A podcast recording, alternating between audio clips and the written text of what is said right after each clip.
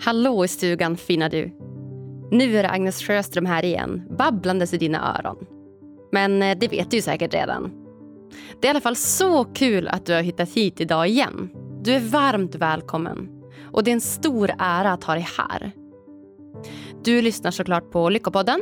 Podcasten för dig som generellt sett redan mår ganska bra. Men eh, som med hjälp av små enkla medel vill lära dig ännu mer om hur du kan må ännu bättre i livet. Och vem vill inte det? Vet ni när jag har ett stadie av att faktiskt må sådär ännu bättre? Jo, det är när jag får chansen att spendera tid ute i naturen, gärna bland mäktiga berg tillsammans med mina fina vänner. Jag har för första gången tältat nu i sommar och som jag älskar det. Jag har verkligen inte varit en tältare förut utan nästan gruvat mig så fort någon har sagt ordet tält. Men nu på senare år så har jag ändå börjat uppskatta det. Ni som hänger med mig på Instagram, ni vet att jag eh, heller inte har tältat i vilket tält som helst utan i ett tvåmanna Big Agnes-tält. Alltså hur perfekt? Little Agnes and Big Agnes. Det är så sjukt att deras varumärke heter just Agnes. Bästa gänget bakom Backpacking Light och Skalmo Gear kittade upp mig nu i somras med ett helt kit av lättviktsgrejer som gjorde att jag till och med kunde springa fram på berget. Ja, jag tror att hela packningen vägde typ 3,2 kilo eller nåt. Och då hade jag allt ifrån liksom tält, tältpinnar, två liggunderlag, sovsäck, regnjacka, regnkjol, stormkök, ja, nedbrytbart schampo och säkert en massa annat smått och gott som jag nu har glömt så här i efterhand. Hur sjukt är inte det? 3,2 kilo för allt det. Det är ju typ nästan lättare än min dator och datorväska. Ja, helt galet. Tack bästa Backpacking Light och Skalmo Gear för det. Nu till veckans avsnitt. Veckans gäst är en känd skribent, programledare och poddare. Han heter Nisse Edvall och tillsammans med psykologen Anna Benick, ja ni vet hon som eh, gästade min podd i avsnitt 108. De svarar tillsammans på relationsfrågor varje vecka i Nyhetsmorgons fredagspanel och därtill så driver också Nisse den populära podcasten Pappapodden. Efter att själv ha gått igenom både utmattningssymptom och en rejäl 40-årskris så bestämde sig Nisse för att skriva boken Livet efter 40, en guide för män. Det är också boken som vi diskuterar i dagens avsnitt. Den berör sex viktiga kapitel och i dagens avsnitt berör vi två av dem. Nämligen relationerna efter 40 och sexlivet efter 40. Stämmer det att män är kåtare än kvinnor? Varför löper män större risk för social isolering som äldre och hur motverkar vi det? Och hur påverkas våra kärleksrelationer efter 40? Ha ett minst sagt lärorikt avsnitt. Även om jag inte riktigt är 41 så har jag massor att lära. Och jättelärorikt för oss kvinnor som vill förstå och lära oss mer om våra partners, kollegor eller vänner i allmänhet. Jag hoppas verkligen ni ska uppskatta det här lika mycket som jag. Varsågoda!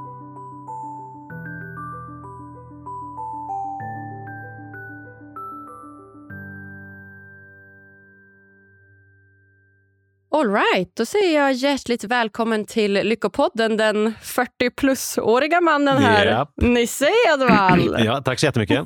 42, 42 och ett halvt om man ska prata som barn. Ja, 42 och ett halvt, Mm. vad härligt. Mm. Det kändes kul att få presentera med ens ålder, för det brukar alltid vara så tyst. Du vet, man ska inte säga hur gammal man är. Jag vet inte. Ja, det där är, ja, nej, jag vet inte. Aging, nothing but a number. Exakt. man ska vara glad att man har levt ett år till. Ja, men jag. snart får man börja svara på eh, sådär som eh, alla gamlingar gör, riktigt gamla i intervjuer. Så, ja, hur känns det att fylla 75? Så bara, ja, alternativet vore inte så roligt. Eh, Exakt, det är den. Du, gud, jag drar typ den nu och jag är 30. Ja, gud. Men det är, vi kanske kommer komma in på allt det här med ålder och sånt, men det, jag har ju aldrig känt mig så gammal som när jag var just 30. Det Nej. var ju liksom mitt peak, peak känna mig gammal. Aha.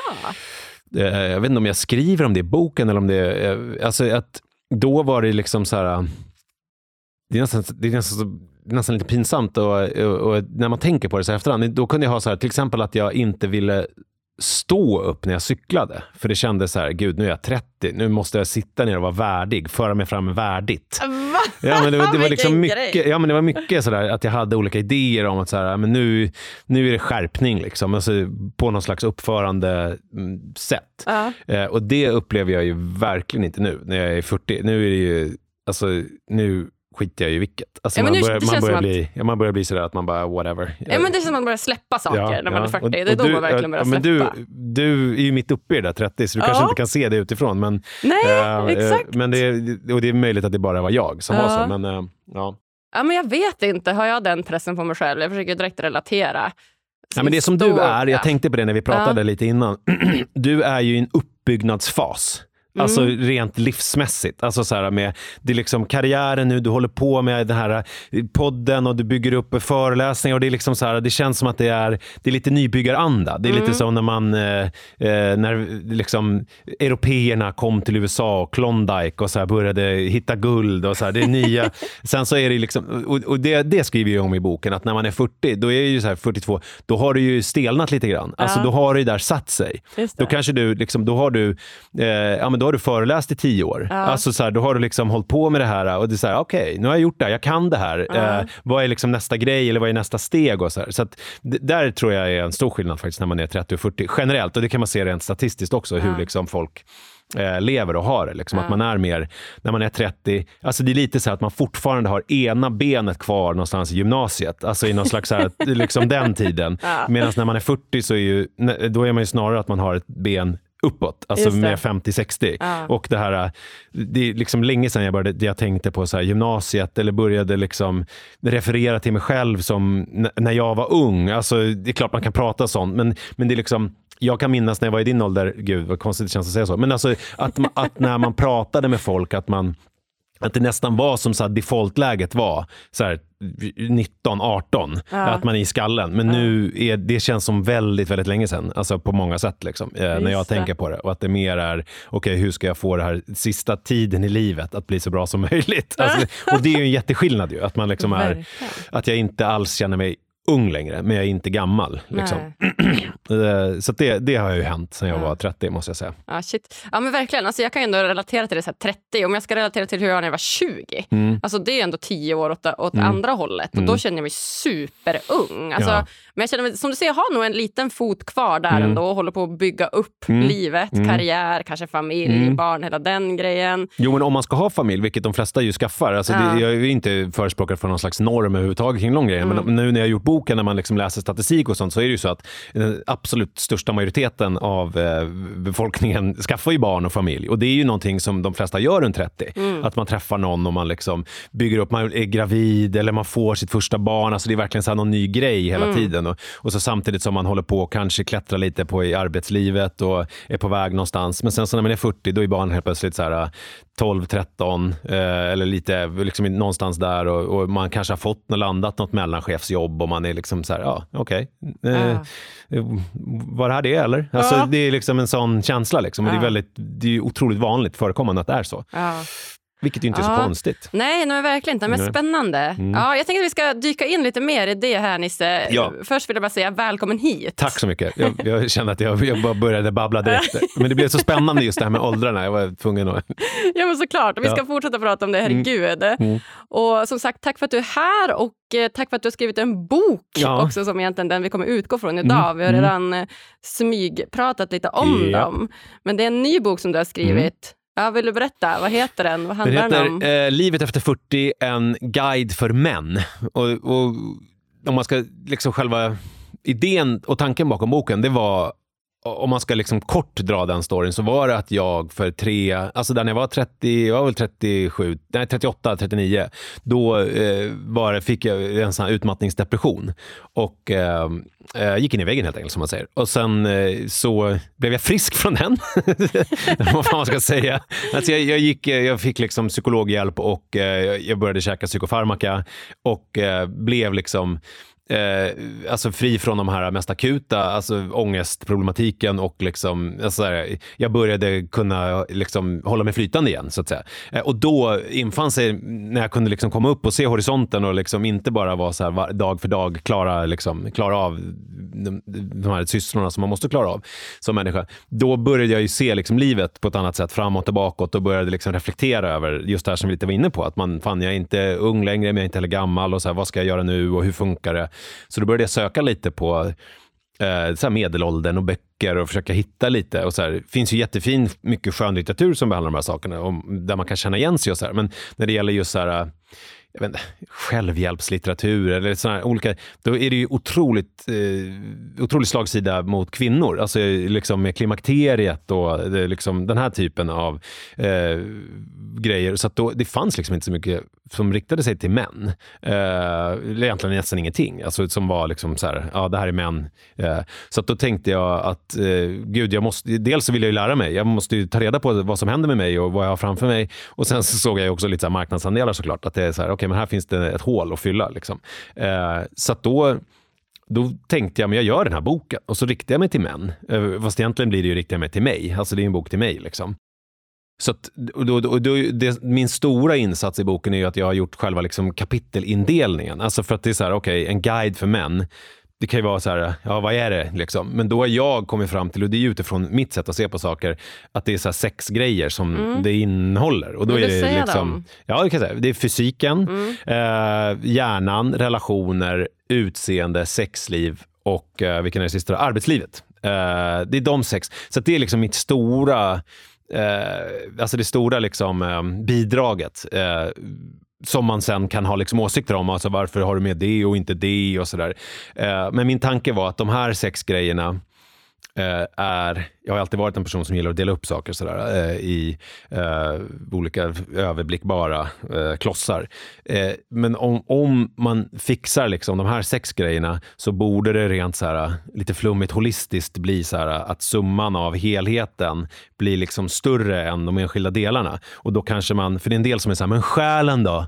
Eh, typ. Och då har jag tänkt att men summan av det här blir ju själen. Liksom. Alltså, Just om det. man, alltså det är det som finns i mellanrummet mellan de här och liksom det som blir totalen. Mm. Så att då kontaktade jag, gjorde jag research och kontaktade liksom massa olika experter och läkare och psykologer och, och eh, arbetslivsexperter och sådär. Eh, Och, och gjorde helt enkelt, delade in det i så här, ja, men arbetslivet. Okej, men då pratar jag med folk som vet väldigt mycket om arbetslivet och så här, vad händer när man är runt 40 som man och eh, hur kan man göra för att, liksom att det ska bli så bra som möjligt. Mm. Och så betade jag av varje kapitel och Mm. gjorde så.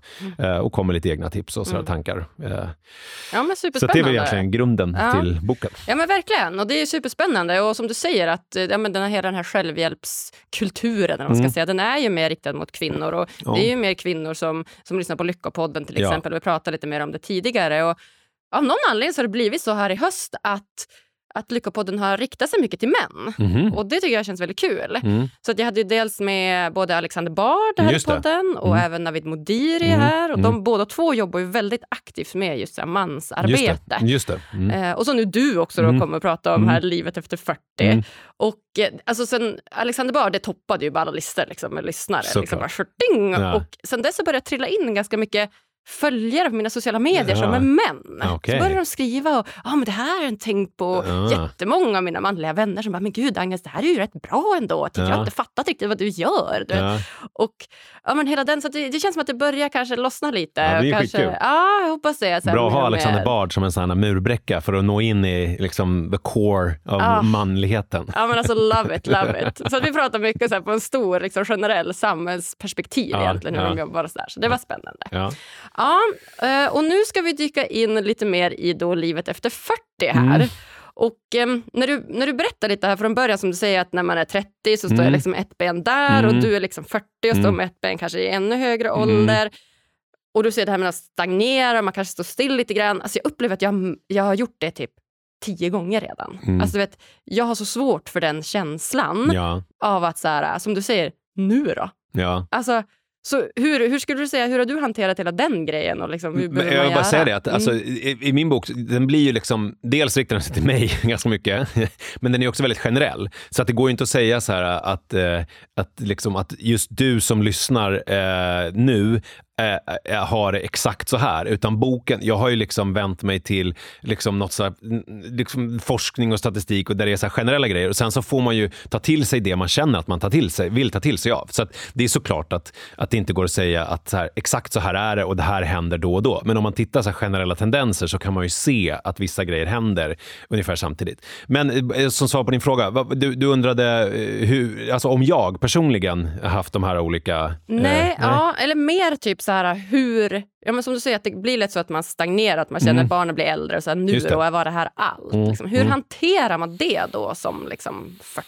Ja, men jag tror att det, det, finns ju två där. Om man då är lite grann som, som jag då efter att ha träffat dig i en kvart tänker att alltså sådana som du kanske också behöver lite grann, eh, nu, utan att veta någonting, men stanna upp lite grann. Alltså att så här, okej, okay, jag gör det här. Och, och, för jag känner igen mig lite i det. Och jag ju, det är någonting som jag har gjort med boken nu, att jag för första gången i mitt liv känner så att jag verkligen har gjort någonting som jag är stolt över. Alltså, och, och det, det, är inte så att jag inte har gjort saker som jag är stolt över tidigare, men tidigare har jag hela tiden varit så här, nästa grej, nästa grej, nästa grej. Jag, menar, jag har ju lett så här, direktsända tv-program, jag har liksom haft egna radioprogram, jag har ju gjort, jag har ju så här, en, en så här, ganska häftig karriär när jag tittar på den. Sådär. Men jag har aldrig upplevt det som det, utan jag har upplevt det som att sådär, nej, men jag, jag har jämfört mig med Filip och Fredrik, eller jämfört mig med liksom, det finns alltid så folk som är bättre eller folk som är framgångsrika och folk som är liksom, och, och det är alltid nästa grej. Och, och, och, jag har nästan, när jag är mitt uppe i någonting så har jag nästan varit någon annanstans i huvudet på väg. Och det har jag liksom nu och det, är väl en, det är väl en frukt av kanske ålder, men också så terapi och, och till viss del medicineringen som har gjort att jag liksom kan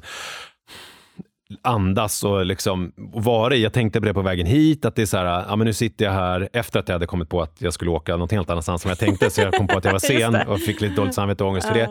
Men efter det, att man sitter och tittar och så här, tittar ut genom tunnelbanefönstret och bara Fan, jag är på väg någonstans för att jag ska prata om en bok som jag har skrivit och det är någon som har läst den och som typ är intresserad. Och att det är så här, att låta det liksom, att landa i det lite grann och inte bara tänka att så, här, ja, men så ska jag göra den här poddinspelningen och det är väl självklart för jag har skrivit den här boken och det är väl självklart att man, mm. det ska man väl göra. Alltså så här, att det liksom är att det är mycket som jag har upplevt att så här, man ska göra tidigare i livet. Alltså så här, skaffa barn, eh, göra lumpen, skaffa körkort, ta, gå gymnasiet. Alltså det är liksom så här, få en, gifta mig. Alltså det är mycket grejer som är liksom, ah, bocka av på någon slags lista. Så där. Alltså, så här, tömma diskmaskinen, check. Gifta mig, check. Alltså det är liksom eh, utan att egentligen faktiskt, så här, men vad är det jag gör? Mm. Eh, och, och där har jag upplevt en jättestor skillnad nu, att jag faktiskt är så här, ja men fan, jag lever ett ganska häftigt liv. Alltså så här, och att jag liksom omfamnar det, att det är så här, och känner mig lite så tacksam över att jag faktiskt eh, gör det. Och där kan jag tänka mig att det finns en del av oss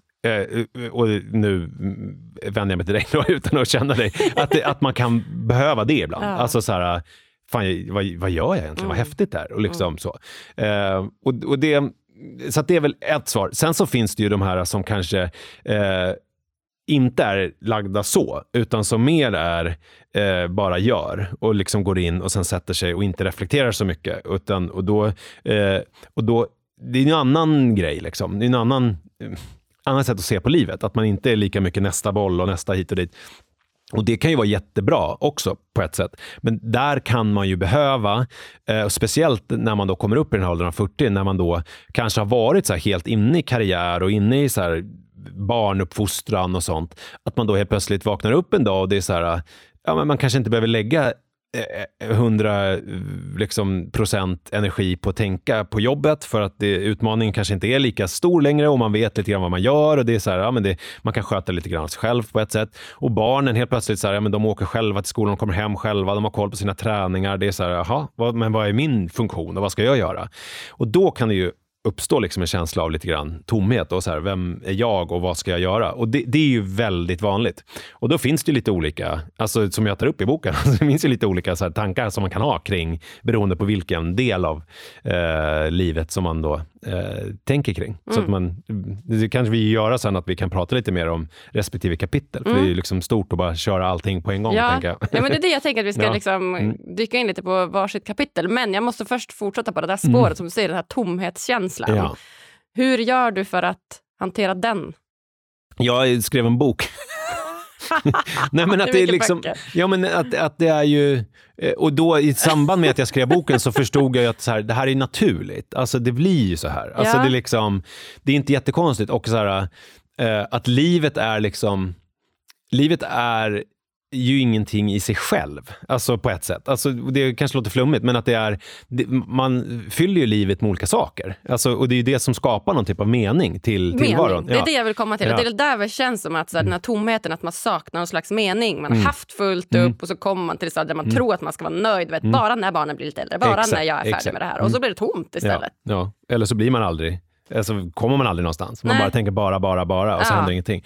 Jo men och det, där är väl jag, alltså jag är ju liksom icke-troende och sådär. Och det finns ju de som liksom lägger sin eh, vad heter det, tillit till Gud och att det skapar någon slags mening, att det finns någon slags syfte med tillvaron på det sättet. Och jag tror ju inte det på det sättet. Jag tror ju att det är Eh, jag eh, citerar ju Max Tegemark, den här, eh, vad är han, astrofysiker, typ. alltså den här eh, stora, Smart, ja, otroligt så här, jobbar i USA och är liksom världens smartaste. Och han, han sa någon gång när han var med i Skavlan för massa år sedan, men det så här fastnade verkligen med mig, för det blev som en sån här uppenbarelse, att han att han ser ju på liksom himlakroppar han ser nebulosor han ser liksom eh, solen gå upp och allting. Och han är ju som en sån här Matrix, kan ju se exakt vad som händer för att han vet ju rent så här fysiskt exakt vad som händer. Men det förtar ju liksom inte det vackra i att han kan förklara vad det är som händer. För där kan jag tycka att en del är så här, äh, men kärlek är bara elektriska impulser. Typ. Att man kan bli så här, att det finns inget som är heligt utan bara... Eh. Och, då, och, och, och det, så var jag lite tidigare också. Men sen så när jag, just när jag hörde det så var det som att så här, Ja, men bara för att, man, att vi som människor förstår att det är så här elektriska impulser förtar ju inte det faktum att vi känner de här grejerna och att det är de här sakerna. Det blir bara en förklaring till det. Men det blir ju inte, magin försvinner ju inte. Och det är lite grann det som är inne, att man delar upp det här i boken, eh, så blir det att man, det här, det finns ju någonting som man inte kan ta på ändå, som är mitt i det där. Eh, som ju är det häftiga och som är liksom livet och det magiska. Eh, och det kan man ju känna utan att Liksom, man behöver ju inte tro på Gud för att tycka att det är så här otroligt häftigt med ett norrsken, för att ta något exempel kanske från din eh, Det kan relatera till. Ja, ja, men jag menar, det är liksom, eh, det är ju sjukt vackert, även om man vet exakt vad som händer med olika sol, vad det nu är för någonting. Ja, nu vet ju inte jag det, för jag är inte Max Tegmark. Men, men eh, lite långt svar på någon typ av fråga som jag hade glömt bort för länge sedan, vad det var du ställde. Jag bara öppnar munnen och ser vad som händer. Ja men exakt, men det är ju skithärligt att det bara bollar runt. Vi pratade om det här med tomhet. Ja, just det. Ja. Mm. Men det, det här är väl någon typ av... eh, Och, och tomheten, alltså tomheten löser sig ju liksom inte av sig själv, utan man måste ju Men skriva en bok, hitta en ny men- mening ja, men eller det- göra ja, något som man... Ja, men och så här, att, det- att det är ju liksom, och sen kan man ju titta på den här boken, det finns ju så här fysik, hjärna, relationer, arbetsliv, utseende, sexliv. Alltså det finns ju liksom, man, man kan väl dyka in och liksom titta på någonting och göra någonting. För att det är liksom, man måste ju göra något. Ja. Det går inte bara, alltså det finns ju ingen som blir av med ångest eller tomhetskänslan av att bara sitta och stirra. Mm. Det är ju liksom, eh, det är ju, det är ju det värsta som finns, Mm. alltså, att ha det. Eh, det går inte, och det, blir bara värre. När man Men låt till- oss dyka in då. Ja, ja visst, Låt oss vi. hoppa in här. dyker ja. Och du, som sagt, du har skrivit sex olika sjukt intressanta kapitel. Ja, och det är några som, varsågod. Och det var ju några som, eh, som jag fastnade för lite extra, eller som Mm. jag tycker är mest intressant, som Mm. jag inte, inte vill prata om. Jag vill jättegärna prata om det. Mm, Och det är ju då relationer det. och sexliv. Just det. Alltså Mm. Det tycker jag är så Mm. intressant. Mm. Och speciellt när det kommer från det andra könet Just såklart, det. eftersom att jag är ju kvinna. Då. Det där är ganska spännande, för det är många kvinnor Många, jag vet inte vad, vad, vad, är, vad som är många, men det är en del kvinnor i alla fall som eh, just har hört av sig och sagt det, att det är spännande att läsa, kanske framförallt de kapitlen, eller även fysikkapitlet, för att det är som att de lär känna män också. Ja. Eh, att de liksom, okej, men så här får en förståelse för hur det är att vara man. Exakt. Och det har ju jag också fått, för att som man så är det lite grann att man går igenom puberteten, man får lära sig lite biologin om så här, eh, testiklar och spermieproduktion och sådär. Och sen så kastas man ut i livet. Sen, sen är det inte så mycket mer snack. Det är Nej. lite så här, prostatacancer har det blivit nu de senaste åren med att man ska ha mustasch där i november och sådär. Men det är väldigt lite att man lär sig om hur män funkar. Medan kvinnor är ju Alltså det är en helt annan, liksom, det är mammografi, det är gynekologer, det är liksom väldigt mycket, och, och det här är väl liksom någon slags, eh, eh, det här är ju någonting, det finns ju någon patriarkal strukturgrejsimoj som har gjort att kvinnan är ett objekt som är så här, som man ska skärskåda och så här, lära sig hur det funkar. Att det är så här, jag kan nästan tänka mig hur liksom män som, alltså så här, som inte har fattat kvinnor, och så här, ja, men då måste vi ha liksom gynekologi och undersöka dem. Och det, är liksom all, alltså det finns ju någonting i det där. Men det har ju gjort att vi vet väldigt mycket och Mm. det finns väldigt mycket förståelse för kvinnors situation och det är hormoner och det är PMS och det är liksom väldigt mycket så här, det är väldigt mycket biologi helt enkelt. Medan män är, ja vadå, det, det, bara, det bara är väl. Mm. Alltså, eh, och det är ju intressant att liksom faktiskt grotta ner sig lite i och lära sig hur vi män funkar. Men skitspännande. ja. För om vi går till just till exempel med relationer som Ja. du säger. Vi pratade mycket om det tidigare, nu relaterar jag till tidigare avsnitt, men det här med ofrivillig ensamhet till Just exempel. Mm. Att män är ju kraftigt överrepresenterade när det kommer till ofrivillig ensamhet. Mm. Framförallt i en kategori. Alltså det som var spännande med boken, för jag tänkte ju så här, det här blir spännande. Här finns det jättemycket statistik nu på hur ensamma män är och liksom, det här kommer bli, fan vad häftigt. Så bara tittade jag och så bara, nej, det är inte så stor skillnad mellan män och kvinnor. Förutom i män som är i 55-årsåldern och eh, ensamboende. Eh, då är de, de är socialt isolerade, nästan 10 procent eh, fler eh, än kvinnor. Och det är ganska häftigt, eller sjukt, då, med tanke på att den statistiken, över, liksom, om man ser till hela, hela skalan, så är det ganska jämnt mellan män och kvinnor. Eh, och då är det liksom, om man, och då började jag tänka, för rent statistiskt så gifter sig de flesta eh, och rent statistiskt så gif, skiljer sig hälften. eh, ungefär i 40-50-årsåldern. Eh, och då är det ju, och de här ensamboende männen då, rent statistiskt så är det visst, det är några av dem som alltid har varit ensamma kanske, men många av dem är ju sådana som har gått igenom skilsmässor och som sen blir ensamboende. Och då har, det är ju någonting som har gjort att de då i mycket större utsträckning än kvinnor blir ensamma, socialt isolerade efter en skilsmässa. Och då är det ju inte svårt att fatta att det handlar om att de har haft dålig relation till sina barn, de har en dålig relation till sin exfru, de har dålig relation till sina kompisar, de har liksom ingenting eh, då när frun försvinner.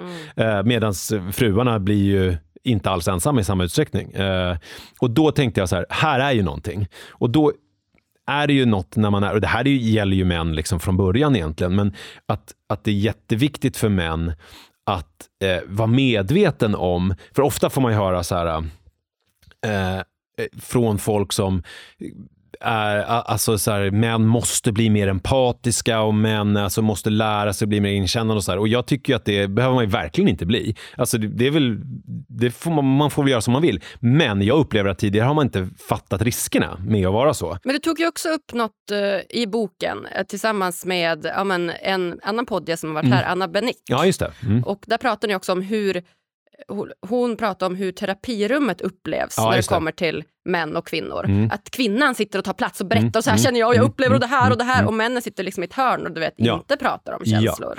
Så det har väl något med det att göra. Det har verkligen med det att göra. Och det är ju så här, ja, är, är det biologi, är det socialt? Och jag säger, men det är väl båda eh, grejerna. Alltså, vi har ju något exempel i boken också om så här, ja, men killar är bättre på tjejer än fotboll. har man sett på så här, finns det tester som visar att fotbollsdelen av hjärnan, ja, inom citationstecken, är större hos män. Men det är ju också så här, ja, om man hela tiden lär sig någonting så blir ju den delen större. Så där. Och det är väl lite samma sak med det här, den här liksom, sätta ord på känslor, prata om känslor.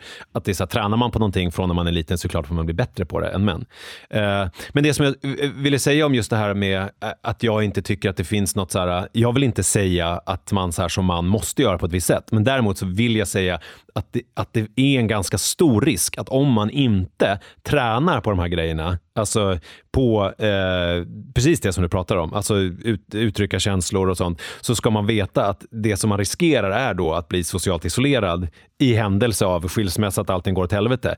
För att eh, eh, eh, för att man helt enkelt är, dålig på det. Och då, då, och då brukar jag, jag har tagit ett exempel i boken att man, att man ska tänka att man ska, liksom, precis på samma sätt som man preppar inför någon zombie apokalyps eh, med liksom, eh, pumphagelgevär och svärd och eh, inte vet jag, konserver i källaren så ska man också så här, eh, liksom fylla på med så här, polare alltså, och liksom kontakter som också är bra att ha när allt skiter sig. Alltså så här, någon som man kan ringa och liksom grina när allt har gått åt helvete. Alltså, och, och det, för det, upplev, och det var ju så här uppenbarelse för mig, för jag har ju alltid upplevt så här, men jag är ganska Ja, men jag är ju rätt empatisk och jag har alltid haft mycket tjejkompisar. Jag gillar att prata om känslor och grotta ner mig i det. Men sen så när jag började tänka på just den där grejen så bara, hmm, jag vet fan om jag har någon sån som är liksom, så började jag tänka och gick igenom någon sån kartotek med vänner. Så bara, vem skulle jag höra av mig till? Och så här, ja, men det var inte lika enkelt då. Om man tänker sig att mamma och pappa skulle försvinna eller min fru och barn. Alltså du vet så här. Eh, Så att där kan man tänka att det är ju ett jävla eh, bra incitament som snubbe att tänka på de här grejerna. Att så här, visst kan man luta sig tillbaka och känna så här, äh, fan jag pallar inte, jag vill bara kolla på fotboll och typ hålla käften. Och det är så här, ja, det är asskönt. Jag tycker verkligen det också. Men man ska veta att om man inte liksom tränar om de andra grejerna också så riskerar man dels att förlora sin fru för att relationen blir dålig och då i sin tur riskerar man att bli ensam. Eller så händer någonting med ens fru och så blir man ensam för att man inte mm. har vårdat sina kontakter. Mm. Och då är det ju de här grejerna att man måste, då måste man börja träna, precis som man tränar på gym eller vad som helst. Att man så här, eh, tränar på att uttrycka känslor. Och då eh, handlar det ju ganska mycket om att eh, som Anna Bennick beskriver i terapirummet, alltså uttrycka framförallt först vad man själv känner. Och det är ju att börja där. Så här, men för, för mig var det ju ofta förut att jag var arg. Alltså det var liksom min go-to-känsla. Och sen så fick jag ett utbrott och så, ja, okej. Okay. Men nu liksom är det ju mer så här, vad är det jag känner egentligen? För att det är som att, och det har man ju sett också då generellt, att män är mer benägna att ta till ilska liksom, när det är någonting som är jobbigt. Att det liksom är, så bara, vad är det jag, varför är jag förbannad? Och då kan det i mitt fall vara så här, väldigt löjliga grejer. Så här, men det var en jobbig lämning på förskolan. Det var liksom, eh, det var disk kvar från frukosten. Eh, Li, kom, min fru, kommer hem och säger liksom inte hej och pussar mig och ser inte att jag fixat disken och lagat middag. Alltså så här, så här, bli sedd och bli bekräftad. Alltså så här, ganska enkla grejer. Eh, som ju då kan kännas så här, men det där jävla töntfjanteri-grejer. Det behöver inte, jag, behöver inte jag bry mig om. Eh, jag är större än det. Och så biter man ihop och sen så plötsligt får man ett utbrott någon dag senare istället. För att man liksom eh, går runt och är arg och man inte riktigt vet varför. Istället för att så här, åh, kan inte jag få en puss? Jag har, liksom, jag har hållit på och kämpat. Alltså, som inte är det är ju inte en jättestor grej, men det blir också inte en så stor grej för att man gör det i tid, liksom, mm. istället för att man bygger på de där grejerna.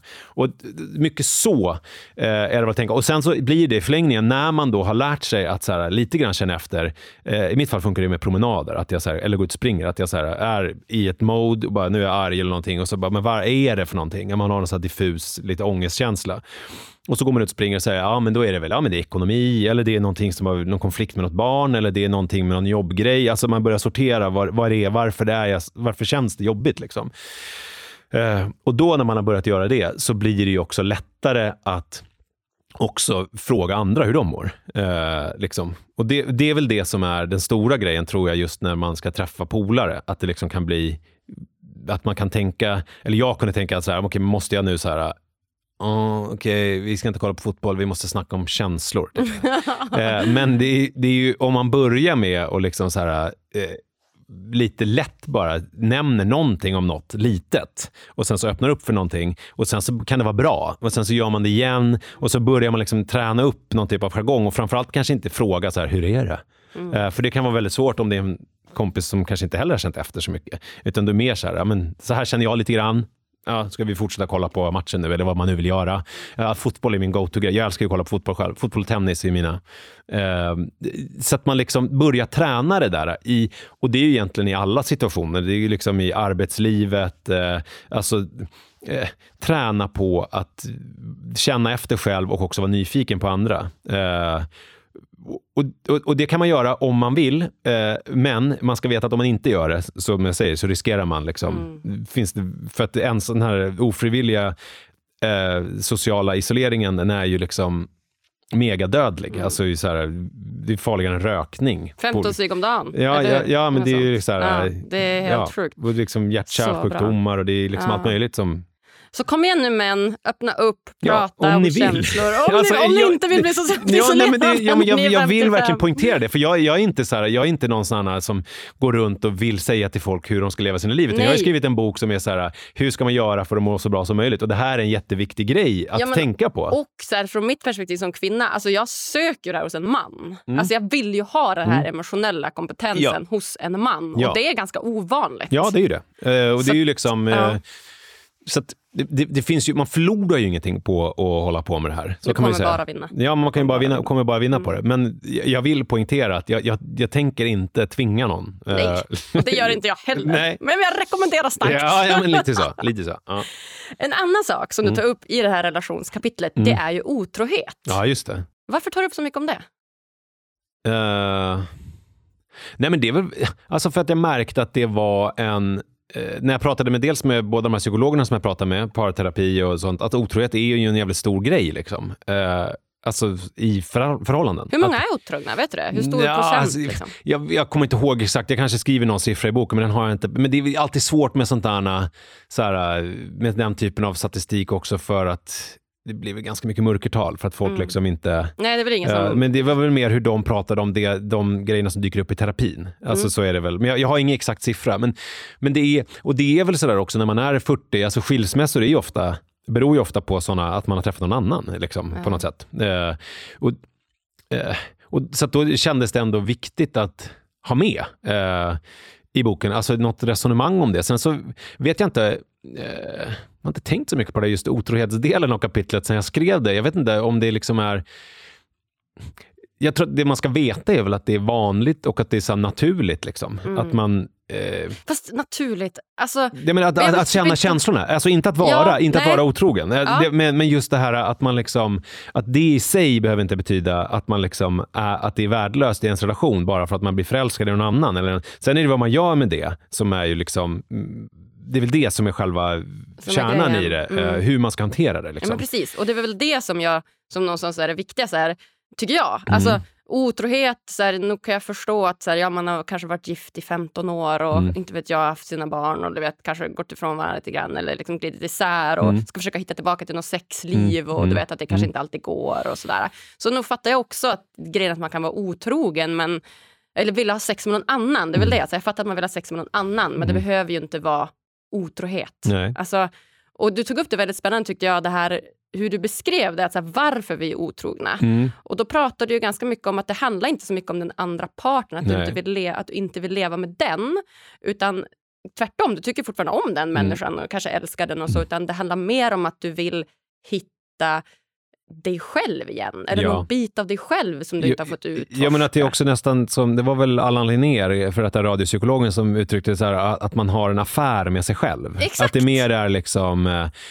eh, att man eh, jag menar, alltså det kan ju bli att man är i den här liksom, grottan av liksom familjeliv och barn och allting. Och ma- man, man får liksom aldrig chans att uppleva sig själv som liksom alltså sitt piggaste, härligaste, mysigaste jag. Mm. Eh, för att det finns så få situationer. Och sen så liksom träffar man någon någonstans, man helt plötsligt ser sig själv. För att ofta är det ju att det blir som en spegling. Ju. Alltså om jag träffar någon, det är ju inte att man blir blixtförälskad på en gång, utan ofta är det att man får en spegla sig själv och att man får vara sitt bästa jag med någon. Och att det blir liksom, eh, det är ju så jävla naturligt att det blir så. Eh, men jag tycker att han, Allan Linnér tar upp det där också ganska fint i boken. Han pratar ju om det här med att det är viktigt också att tänka så här, vad, och det tar jag också upp i porrkapitlet. Alltså så här, viktigt så här, att man har en så här moralisk diskussion med sig själv också. Så här, vad vill jag vara för människa och vem är jag? Liksom? Att man inte bara går på så här lustar och, och, och liksom instinkter utan att liksom reflektera lite grann själv över så här, vem är jag som människa och vad vill jag? Liksom? Eh, för det kan ju vara det, man kan ju bli väldigt förblindad och bara göra saker i stunden utan att liksom reflektera lite över det. Eh, och det, det kan vara nog så viktigt för att man, det där kan ju bita en i svansen ju. Att man känner sig som en dålig och rutten människa också. Eh, I andra änden så att säga. Mm. Men sen så är det ju det här, jag tar ju upp eh, hon Ester Perell också som är en jättehäftig eh, eh, psykolog och eh, som skrivit många böcker. Hon är typ kanadensisk eller någonting, Mm, fransk-kanadensiska. Ja. Men Skitcool. Jo, men hon är ashäftig. Och hon pratar ju mycket om det här med eh, liksom hur, eh, alltså den familjeinstitutionen eller det här liksom, tvåsamheten som vi lever i i västlandet på många sätt är så här, eh, att man Alltså att förr var liksom äktenskapet var en grej som man hade. Alltså så här, man hade barnen ihop och man hade, om vi nu pratar om någon slags burgna eh, klasser, så här, men sen så hade man ju ett liv vid sidan av där man hade sina älskarinnor eller älskare och liksom levde sitt vanliga liv. Eh, och, men idag så är det, man har otroligt höga krav på sin partner. Den ska vara liksom dels den här trygga punkten i ens liv, men det ska också vara liksom den här mamman då i mitt fall då till barnen. Det ska också vara den här sexiga, heta eh, personen som man har de här liksom heta stunderna med, lite hemligt och farligt. Alltså, det är väldigt mycket grejer som man ska lägga på en person. Eh, så det där är ju verkligen en utmaning att eh, hitta eh, hur man ska göra kring de där grejerna. Liksom. Mm. Eh, det är skitsvårt. Alltså, ja, gud, jag har verkligen ingen exakt lösning, utan jag tycker att det är så här, att, man, att man ska tänka på det utifrån och liksom försöka reflektera med sig själv. Vem är jag och vad vill jag? Mm. så att säga. Men och kanske med din partner. Alltså, dels Mm, att du ja. gör det med dig själv, Mm. men och att så här, vad, som du säger, vad är min moraliska kompass, vad är viktigt för mig? Men om du sen också har, liksom, har valt att gifta dig med någon till Mm. döden, skilja er åt grejen och liksom göra den här grejen, Mm. då kanske man måste prata om det här. Att, Jo, här, alltså, jo, det är klart. hur- Man- man- Någon typ av prat, alltså någonstans att man har någon typ av, så att man är lite överens om grundpremissen. Så här. Det kan ju vara att båda tycker att det är kul om man har lite öppet. Att man får, om man är borta på konferens, och så Mm. här, ja men eh, liksom vad jag vet, eller vad jag inte vet, tar jag, tar jag inte, så lider jag inte av. Liksom. Eh, men det är ju verkligen inte alla som vill ha det så. Eh, så det, det, det ska man väl liksom försöka. Men, men min upplevelse är att de snacken, alltså min upplevelse rent personligen, i, från mitt eget privatliv, för att bli liksom, det är ju att de snacken är ganska svåra att ta. Alltså, så här, Jättesvåra. hur, hur, hur vill vi ha det? Alltså, Ja. så här, för att det- också, vad händer då om man tar upp det där på ytan och man märker att man är diametralt olika? Att så här, den ena bara, men vi kan väl öppna upp det, och den andra bara, absolut inte. Alltså det blir liksom, det kan också skapa revor eh, och grejer i relationen som eh, kan ta ett tag och liksom... Mm. eh, Men vad är alternativet?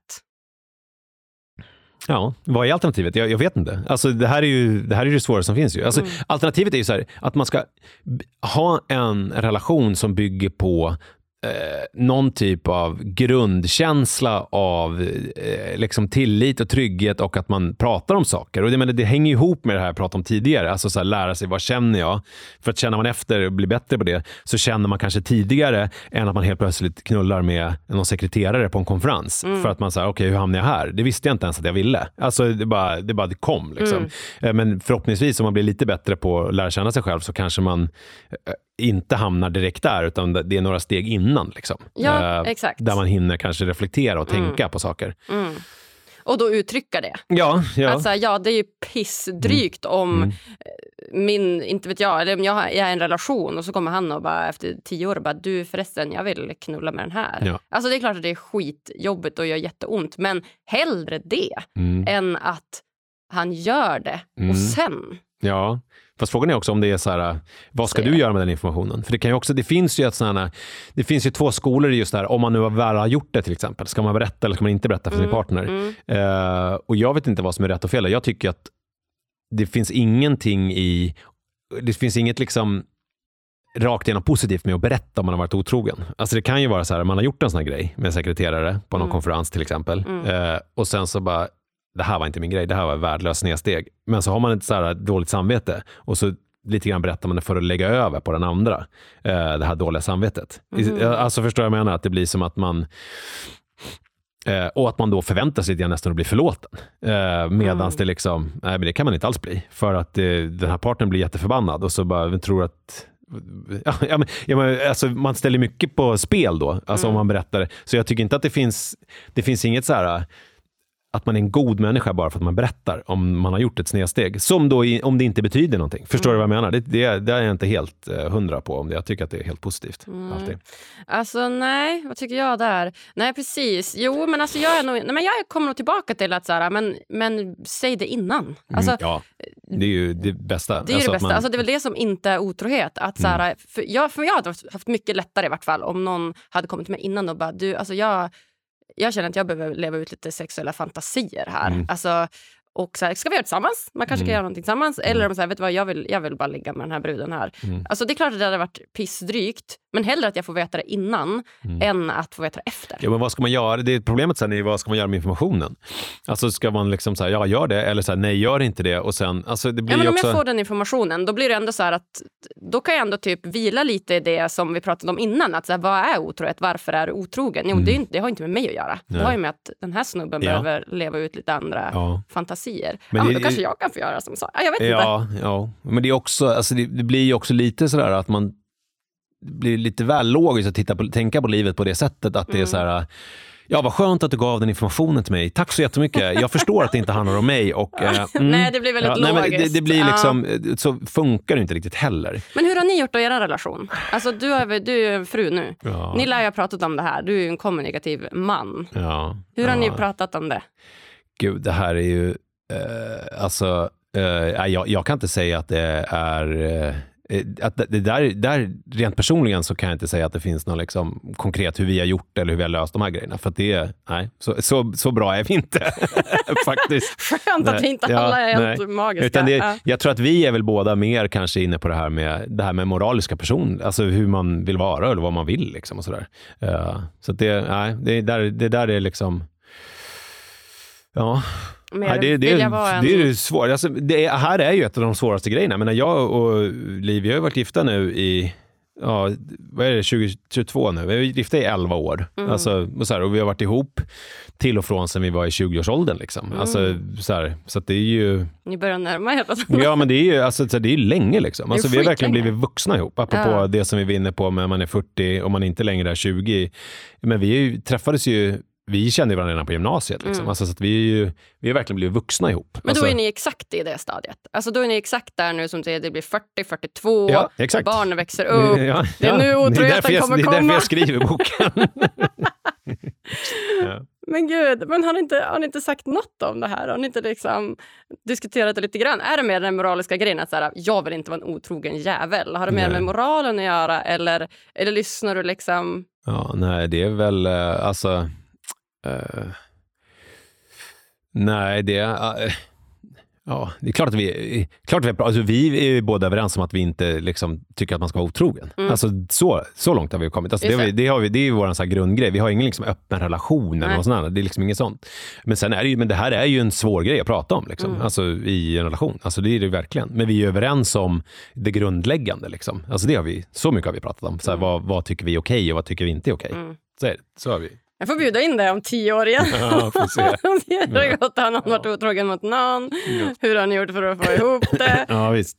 En ja, men det som vi gör, som, det kan jag ju ta upp. Alltså det, det, som vi gör är ju att vi har ju i omgångar gått i parterapi. Alltså mm. Det har vi gjort och, och, både för att det har varit dåligt men också i så förebyggande. Mm. För att det liksom är Eh, för det som händer när man går i parterapi, tycker jag, det är ju att man får de här tillfällena att faktiskt sätta sig ner och prata med varandra om viktiga saker eh, som man inte hinner, eller kanske när det liksom är fotbollsträningar och disco och liksom alltid och så här, det är frukost och sen så ska det köras någonstans. Alltså, mm.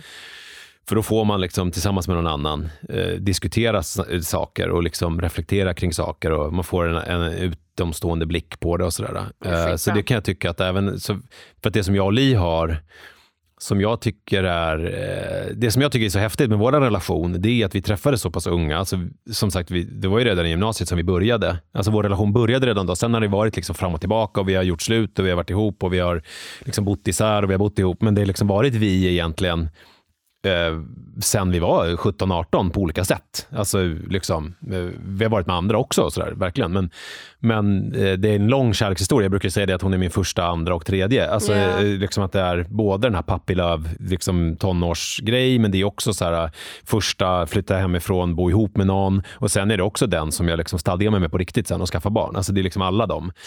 Eh, och då när, när vi liksom blev ihop, alltså då är det ju verkligen så här, det som man kallar för puppy love. Alltså så här, vi har väl ingen aning om vad vi vill ha för person. Man har inte alls reflekterat över sådana där saker hos sig själv. Som många nu som är liksom i din ålder som håller på med Tinder och så här, de är så jävla formulerade. Så här, det här söker jag hos en man eller en kvinna och hit och dit och.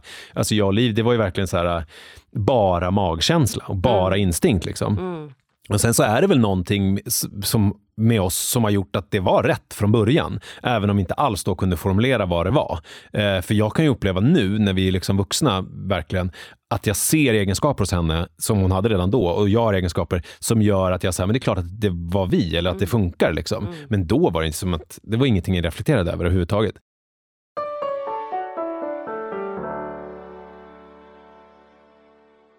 Veckans avsnitt är sponsrat av Tell Sverige AB. Hörni, ni som känner mig, ni vet att jag har haft svårt att trivas som anställd på olika arbetsplatser.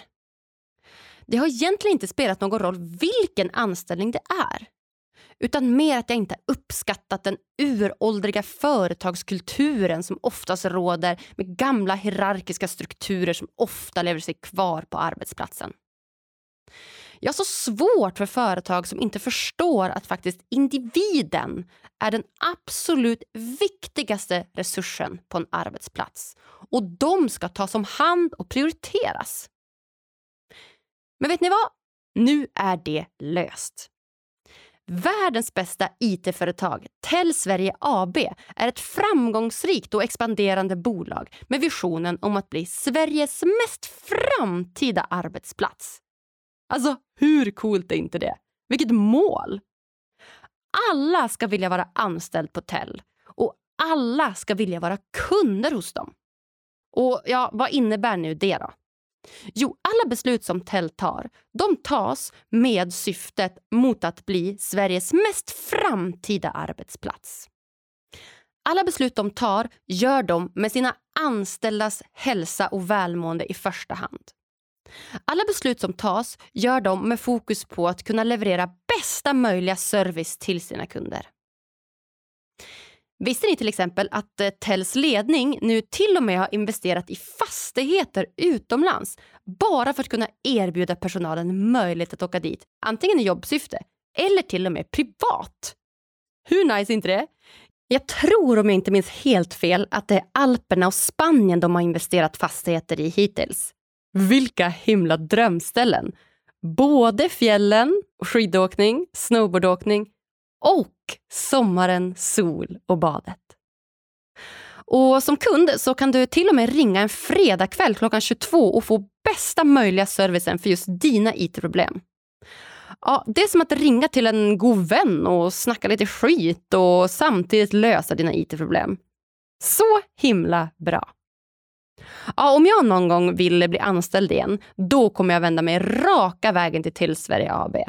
Och eh, i avsnitt 235 får du dessutom chansen att lära känna deras delägare och försäljningschef Therese Jakobsson och hennes väg ur psykisk ohälsa och panikångest mot målet att bli Sveriges mest framtida arbetsplats. Och I höst så kommer du dessutom få chansen att lära känna deras jordnära VD Per Gabrielsson och varför just han valde att förändra hela Tells företagskultur för x antal år sedan. Ja, tack bästa Per, Therese och Tell Sverige AB för att ni vill hjälpa till och göra Sverige till en lite lyckligare plats.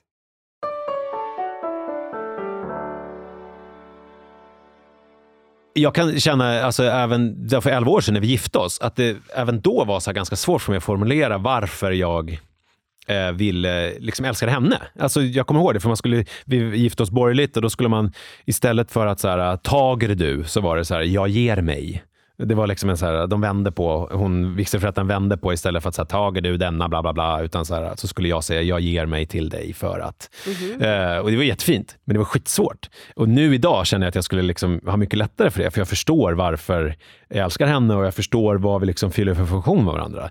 Eh, men det har tagit ett tag. Mm. Och då kan jag känna det är ganska häftigt att så här, att man som 17-åring redan då fattade någonting fundamentalt om livet, som man, fast man hade ingen aning om vad det var man fattade, mm. utan det var bara någon slags magkänsla.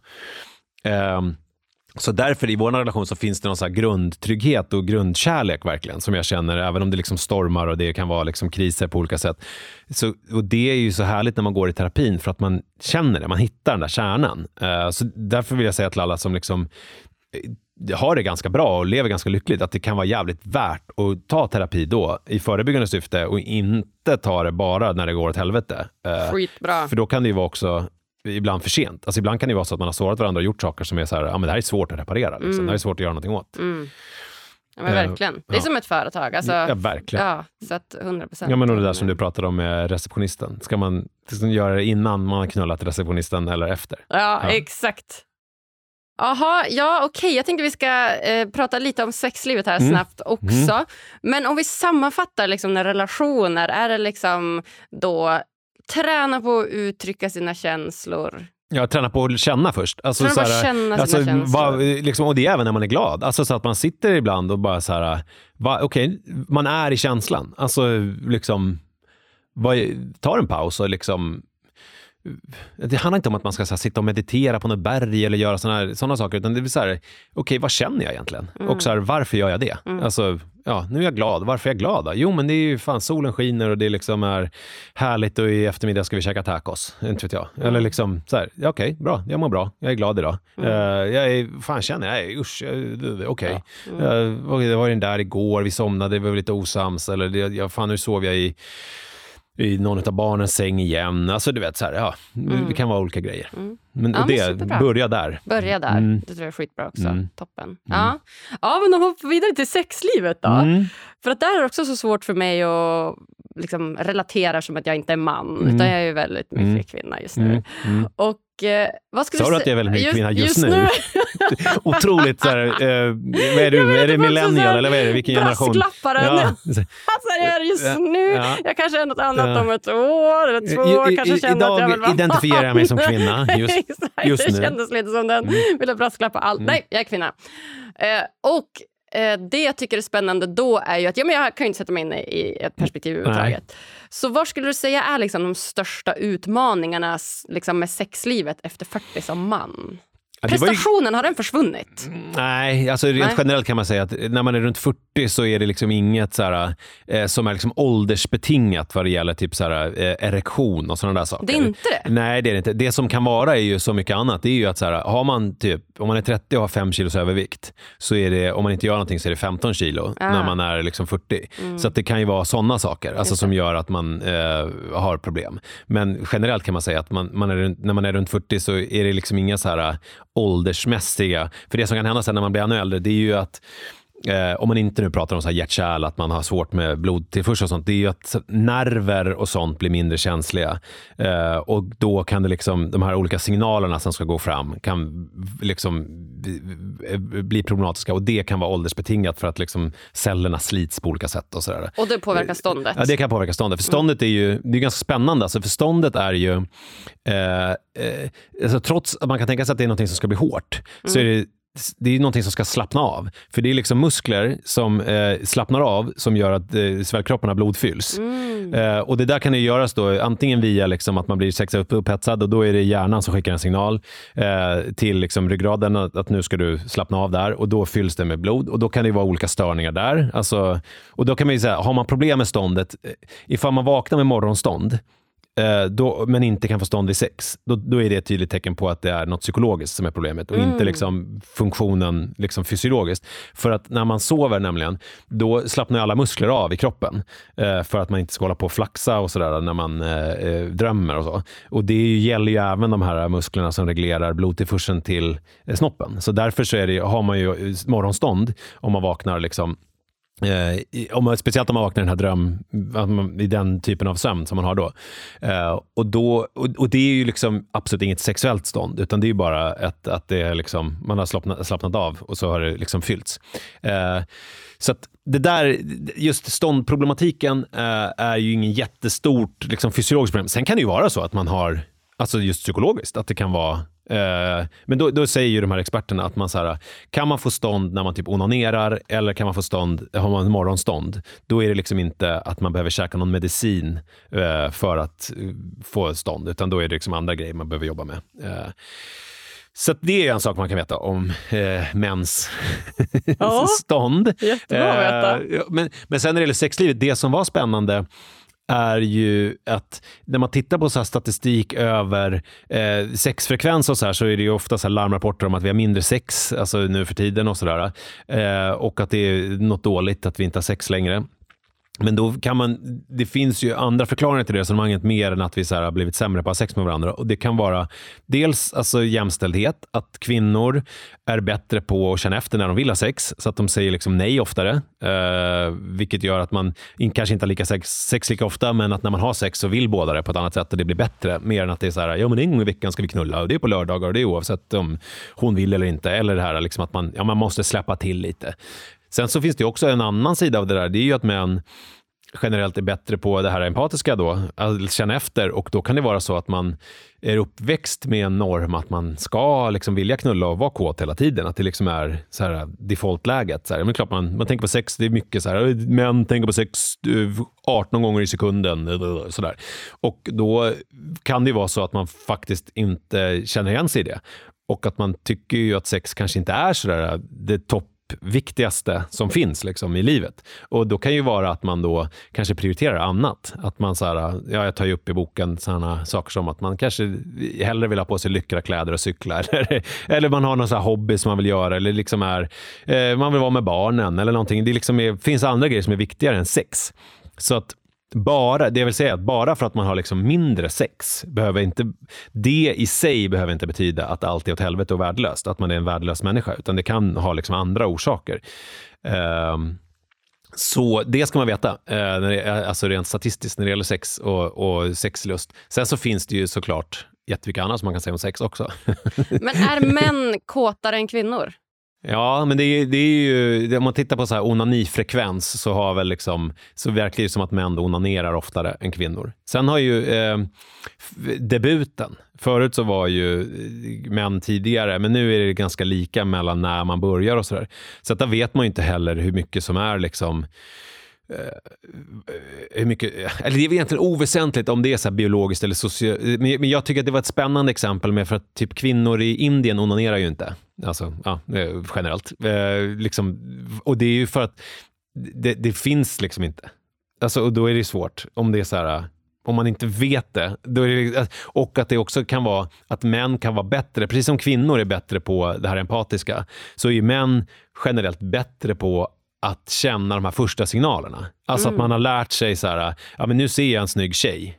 Boom, så händer någonting, man blir kåt. Liksom. Eh, Medan eh, kvinnor har liksom längre startsträcka för mm. att man har inte tränat det där så mycket. Medan som man så är man liksom från barnsbred tränad i också att man ska liksom, eh, vara kåt. Alltså, mm. så, då, tolkar man ju in saker hela tiden i sexgrejer. Mm. Liksom. Så att det blir lättare att komma över den här första tröskeln, att liksom bli sexuellt upphetsad. Medan kvinnor kan vara, ha lite svårare liksom, att komma dit. komma dit. Vad skulle du säga är liksom den, har varit den största skillnaden för dig, alltså när det kommer till sexlivet efter 40? Ja, men jag tror just det där att eh, rent personligen så är det väl eh, nu är jag en, alltså jag, man brukar det var roligt för jag skrev för några år sedan, nu blir det lite en utsvävande svar. Jag skrev för några år sedan en så här debattartikel där jag liksom skrev, rubriken var typ så här, vi måste lära våra söner att inte våldta eller något sånt. Här, eh, för att eh, jag eh, tänkte på mig själv när jag var ung. Eh, för då var det så här, jag var ju ganska stökig liksom. Och det var mycket så här, eh, snatterier och stölder och det var slagsmål och sådana där grejer. Men jag hade alltid en känsla av att jag gjorde någonting fel. Liksom. Eh, det här, okej, okay, dåligt samvete, någonting. Men när det gällde så här, springa in i tjejernas omklädningsrum eller tafsa på tjejer och sådär, eller tjata mig till att ha sex och sånt. Då hade jag aldrig en känsla av att det ens var fel. Utan det var bara så här, men det är så man gör. Liksom. Det är så, för det var liksom jag kommer ihåg det, att jag, när du vet, man sprang in i tjejernas omklädningsrum, då blev det så här, lärarna bara, nej, det får man inte hålla på. Eller du vet, man tafsade, så här, ja, ja, det verkar lite förtjust där. Att det, det var liksom aldrig, det första gången jag på riktigt jag kommer ihåg det, att det var, jag var 16 och var på en fest. Då var det en tjej som gav mig en örfil för jag höll på att tjata om att vi skulle hångla eller ligga. Eller vad fan vi höll på att göra. hon bara, skärp dig. Ja. Det var liksom första, det var så här, jag kommer ihåg, det är så töntigt att man är så störd. Att man, men bara, det var första gången som jag, vadå, jag gör något fel? Alltså det var verkligen så här... Äh, Sjukt! Ja, men, att det liksom men tack är, för att du delar det. ja, men det, det låter ju hemskt. Men det var verkligen så här, äh, för att jag hade liksom inte mina föräldrar hade ju aldrig pratat med mig om sånt. Alltså, var, man hade liksom inte fått med sig någon så här, äh, sexualmoral. Liksom. Eh, så det tänkte jag, så här, men det här är jätteviktigt att mina söner, de, om han tjatar, någon av dem, efter, då ska man få veta att det är fel. Ja. de ska liksom från början veta att så, men så här, det är liksom inte naturligt att man så här, ska behöva eh, tjata. Liksom. Mm. Men då fick jag en del reaktioner om så här, ja, men här, så här var ju inte jag, alltså som kille. Och så började jag tänka efter att så här, ja, men det här var ju inte alla killar. Alltså, det var ju så jag och två till kanske som sprang in i tjejernas omklädningsrum. Och det var ju också vi som slogs och snattade, alltså som var lite så här utåtagerande och så här konstiga människor, liksom speciella. Eh, men de stora flertalet var ju inte så. Eh, och det tror jag också är viktigt när man, det är därför det här kapitlet är viktigt, för att man är en man och man kanske inte känner igen sig, för att de flesta som pratar om det här är ju män som har någon typ av utlevande, liksom, att det blir, så att det blir en norm då, att man som man är en sån som springer in i tjejernas omklädningsrum och tafsar. Medan den stora flertalet gör ju inte det och Nej. har inte gjort. Utan det liksom är, men det blir ändå en självbild och då tror jag många blir så här, ja, fast inte alla män. Att det blir liksom en sån, för att man känner inte riktigt igen sig i det.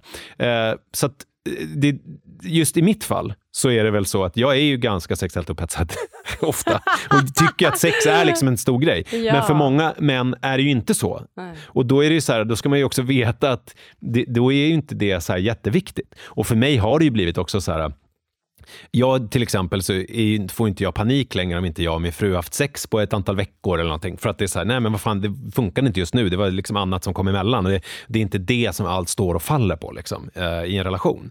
Så att jag tror att det är väl en grej att ha med sig om sex. Sen pratar jag ganska mycket om porr i boken också. Exakt. För det tror jag är, vi är väl den första egentligen generationen nu, vi som fyller 40 nu, eh, som är liksom uppväxta med porr på det sättet, alltså internet. För för mig var det ju verkligen så här, internet kom ju där 95 typ, alltså blev ju så här, årets julklapp och sånt. Och jag fattade ju ingenting liksom. Alltså, bara, jag, jag, var, jag kommer ihåg första gången jag skulle gå in på internet och bara, vadå det ser ut som Windows-skrivbordet bara. Vad är, vad är det här virtual reality? Eller vad är, vad är liksom internet? Jag fattar ingenting. Men sen så var det någon som bara, ja men här på Alta Vista eller vad, jag kommer inte ihåg vad de hette, de här sökverktygen. Skriv Pamela Anderson här. Jag bara okej. Okay. Sen bara, ah, det är det här är. Alltså liksom, jag hajar. Okay.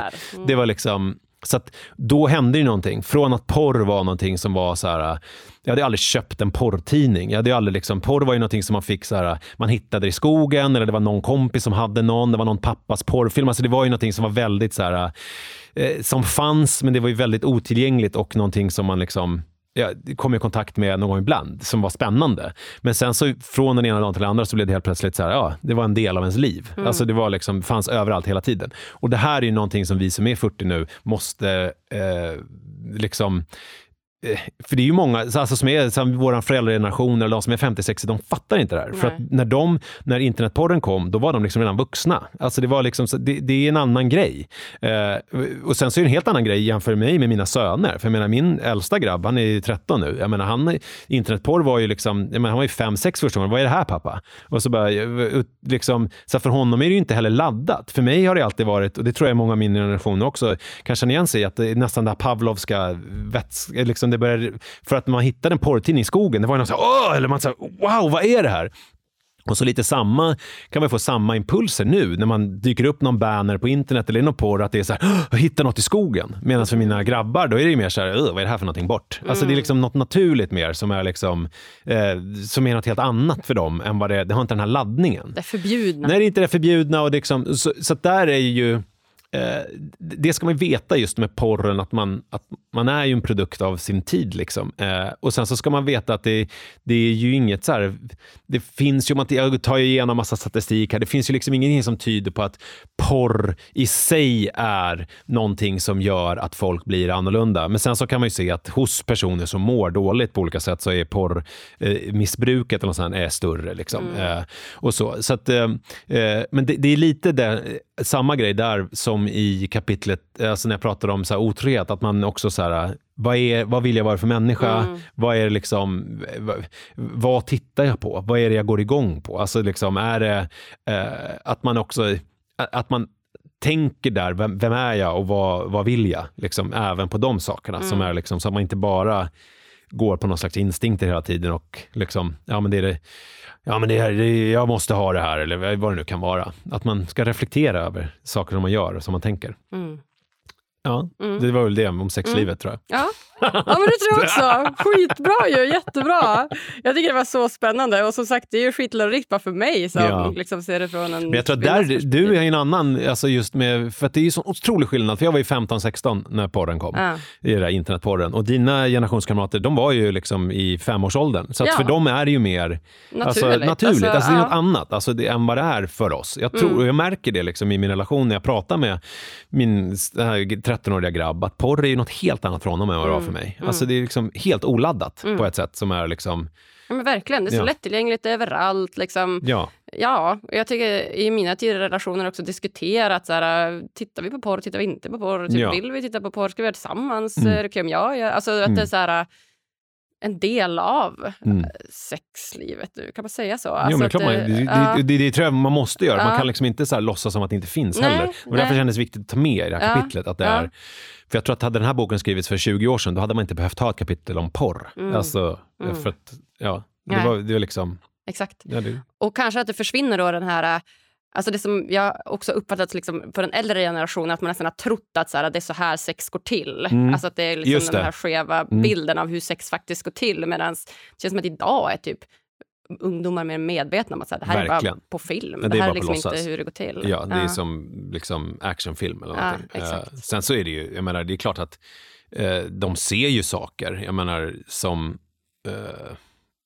ju Alltså, det- sex är ju konstigt ju. Och när man ser det med ett barns ögon, vilket ju är en mening som jag aldrig tror jag skulle säga, eh, ja, men då är det ju så här att någon stoppar in liksom snoppen Ja. i snippan. Alltså, Ja. Det blir helt obegripligt för en sexåring. Ja, ja. Och speciellt när de kommer då, till så här, någon stoppar in snoppen där det kommer bajs. Alltså, det är ju så här, du Det är vet, när de ännu ser mer sådana saker, konstigt. det är ju också, och, och sex är ju så jävla Ja, konstigt det ju, är när man tittar grej. på det utifrån. men det är så liksom, och, när man inte är i en sexuell situation Ja. eh, så är det ju så här, jag kan, till och med jag kan tycka att det är så här, men fan vad konstigt Det är en konstig grej. Ja. Och alltså en sak som jag funderar på som är konstigt, det är så här, killar kommer ju, det finns ju en funktion med Ja, det. Alltså det är att det ska bildas barn och bla bla bla. Men tjejer kommer. Vi bara har fått en så magisk knapp. Men vet du vad det beror på ju såklart? Evolutionen. Ja, men evolutionen. Vi, ja, men jag tänker vi människor, eftersom vi börjar ha den här känslan. Mm. Alltså, vi, eftersom vi, en, en hund tänker ju inte på vad konstigt det är att jag stoppar in den här grejen i den här snippan. Eh, utan det är ju bara instinkt. Mm. Men vi människor, i takt med att vi fick ett förnuft, så blev det ju, eh, började vi väl reflektera över de här grejerna. Och då var det väl de som inte tyckte att det var skönt och bara tyckte det var konstigt. De hade väl inte sex. Så att då blev det ju, försvann ju de ganska naturligt bort. Men sen så de som tyckte att det här var ju härligt, det började ju, då, det är klart att då börjar de här delarna bli känsliga Ja. och mer mottagliga för att det är de som har sex och det är de som liksom... Ja, men är inte det coolt? Jo, men det är Är klart. inte det, det är klart att det är coolt. att så här, vi tjejer vi kan komma för att, för det, men det är bara njutning. Ja, Det är bara för att det är nice. ja.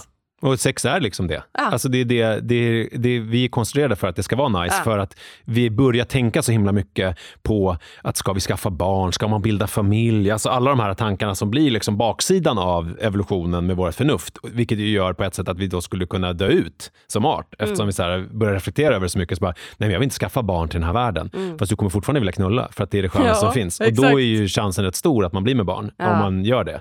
Eh, såklart man kan skydda sig och sådär också, men ja, så det där tycker jag är spännande. Ja, spännande Nisse. Mm. Ja, då, vi har ju massa fler kapitel att gå igenom här men vi har ju tyvärr runnit över tiden här. Ja. Så att, eh, jag tänker att vi ska dyka in i de sista frågorna här Mm. innan vi lämnar Mm. varandra. Mm.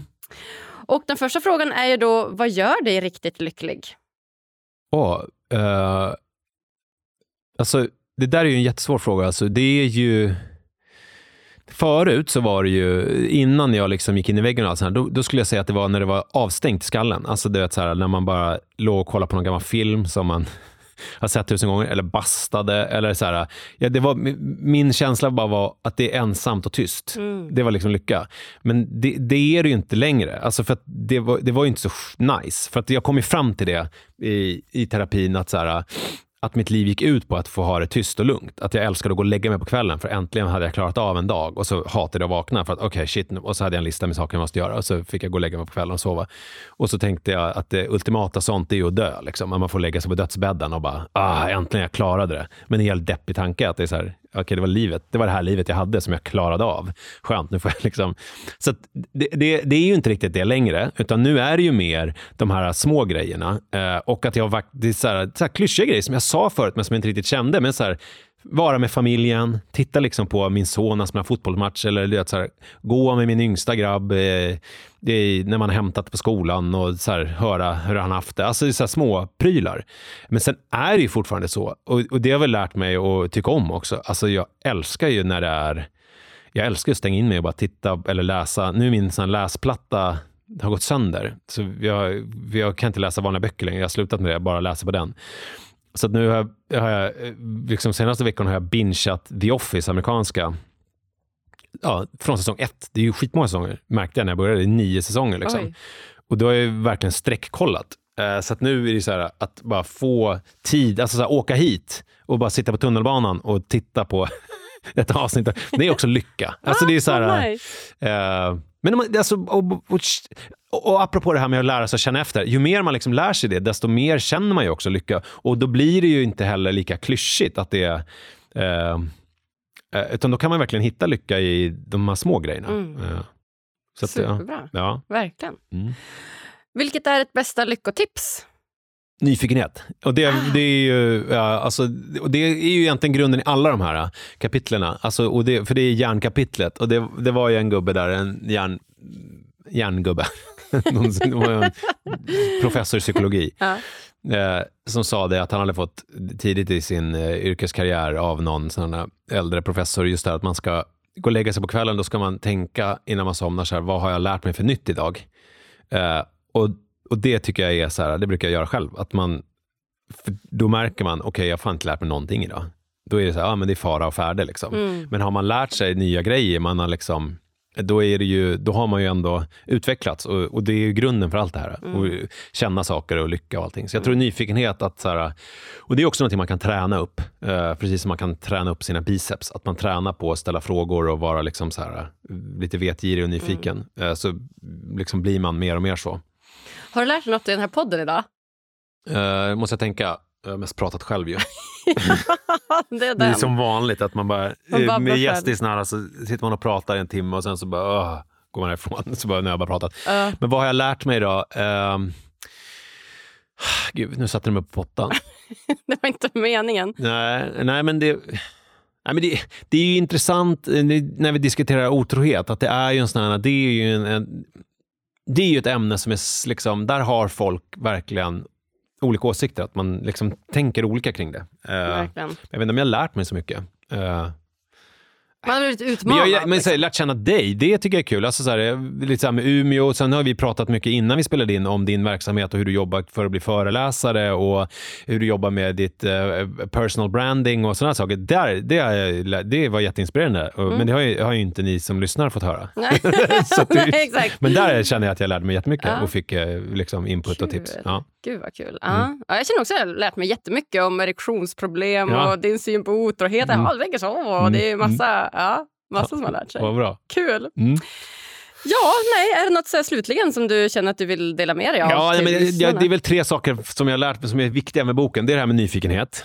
Och sen så det här med att se till att preppa med kompisar. Alltså, och ni som lyssnar nu vet ju vad det innebär då. Och sen så, en sista grej, det har vi inte berört. Och det är ju det här när man är 40 och man, eh, eller om man då är kvinna och har män runt omkring sig, sådana testosteronsalvor som dyker upp på Facebookflödet när man fyller 40. Det ska man strunta i. För Okej. de, de, vill, man, vill man på riktigt dopa sig, då måste man antingen göra det eh, illegalt och ta ordentliga sprutor med allt vad det innebär i, risker och sådana och dumt. Eller så måste man liksom göra det under övervakning av typ amerikanska läkare på olika sådana kliniker i Hollywood. Där man, Okej. eh, ja. Så man, de där salvorna ska man skita i. Det är Bort bättre att trä, träna och äta ordentligt och bra. Och sådär. Ja, men superbra, jättebra. Vilken bra liksom, avslutning jag fick med det också. Jag säger bara tusen, tusen tack för att du kom och gästade mig här på Tack så mycket. Agnes. Tack. Tack.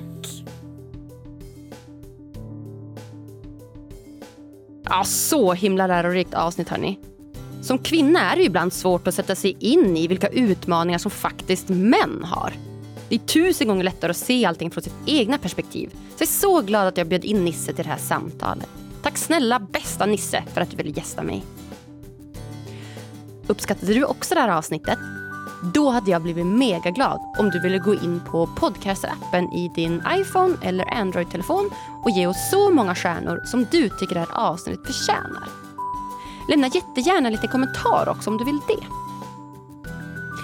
Och vill du veta mer om mig och få ännu mer lyckotips och inspiration? Då tycker jag dels du ska följa vår Instagram, Lyckopodden heter vi där, och också lägga till mig i ditt nätverk på LinkedIn. Agnes Sjöström heter jag där. Då lovar jag att du inte kommer missa något lyckotips alls. Vi hörs på tisdag igen. Lyckopuss till dig!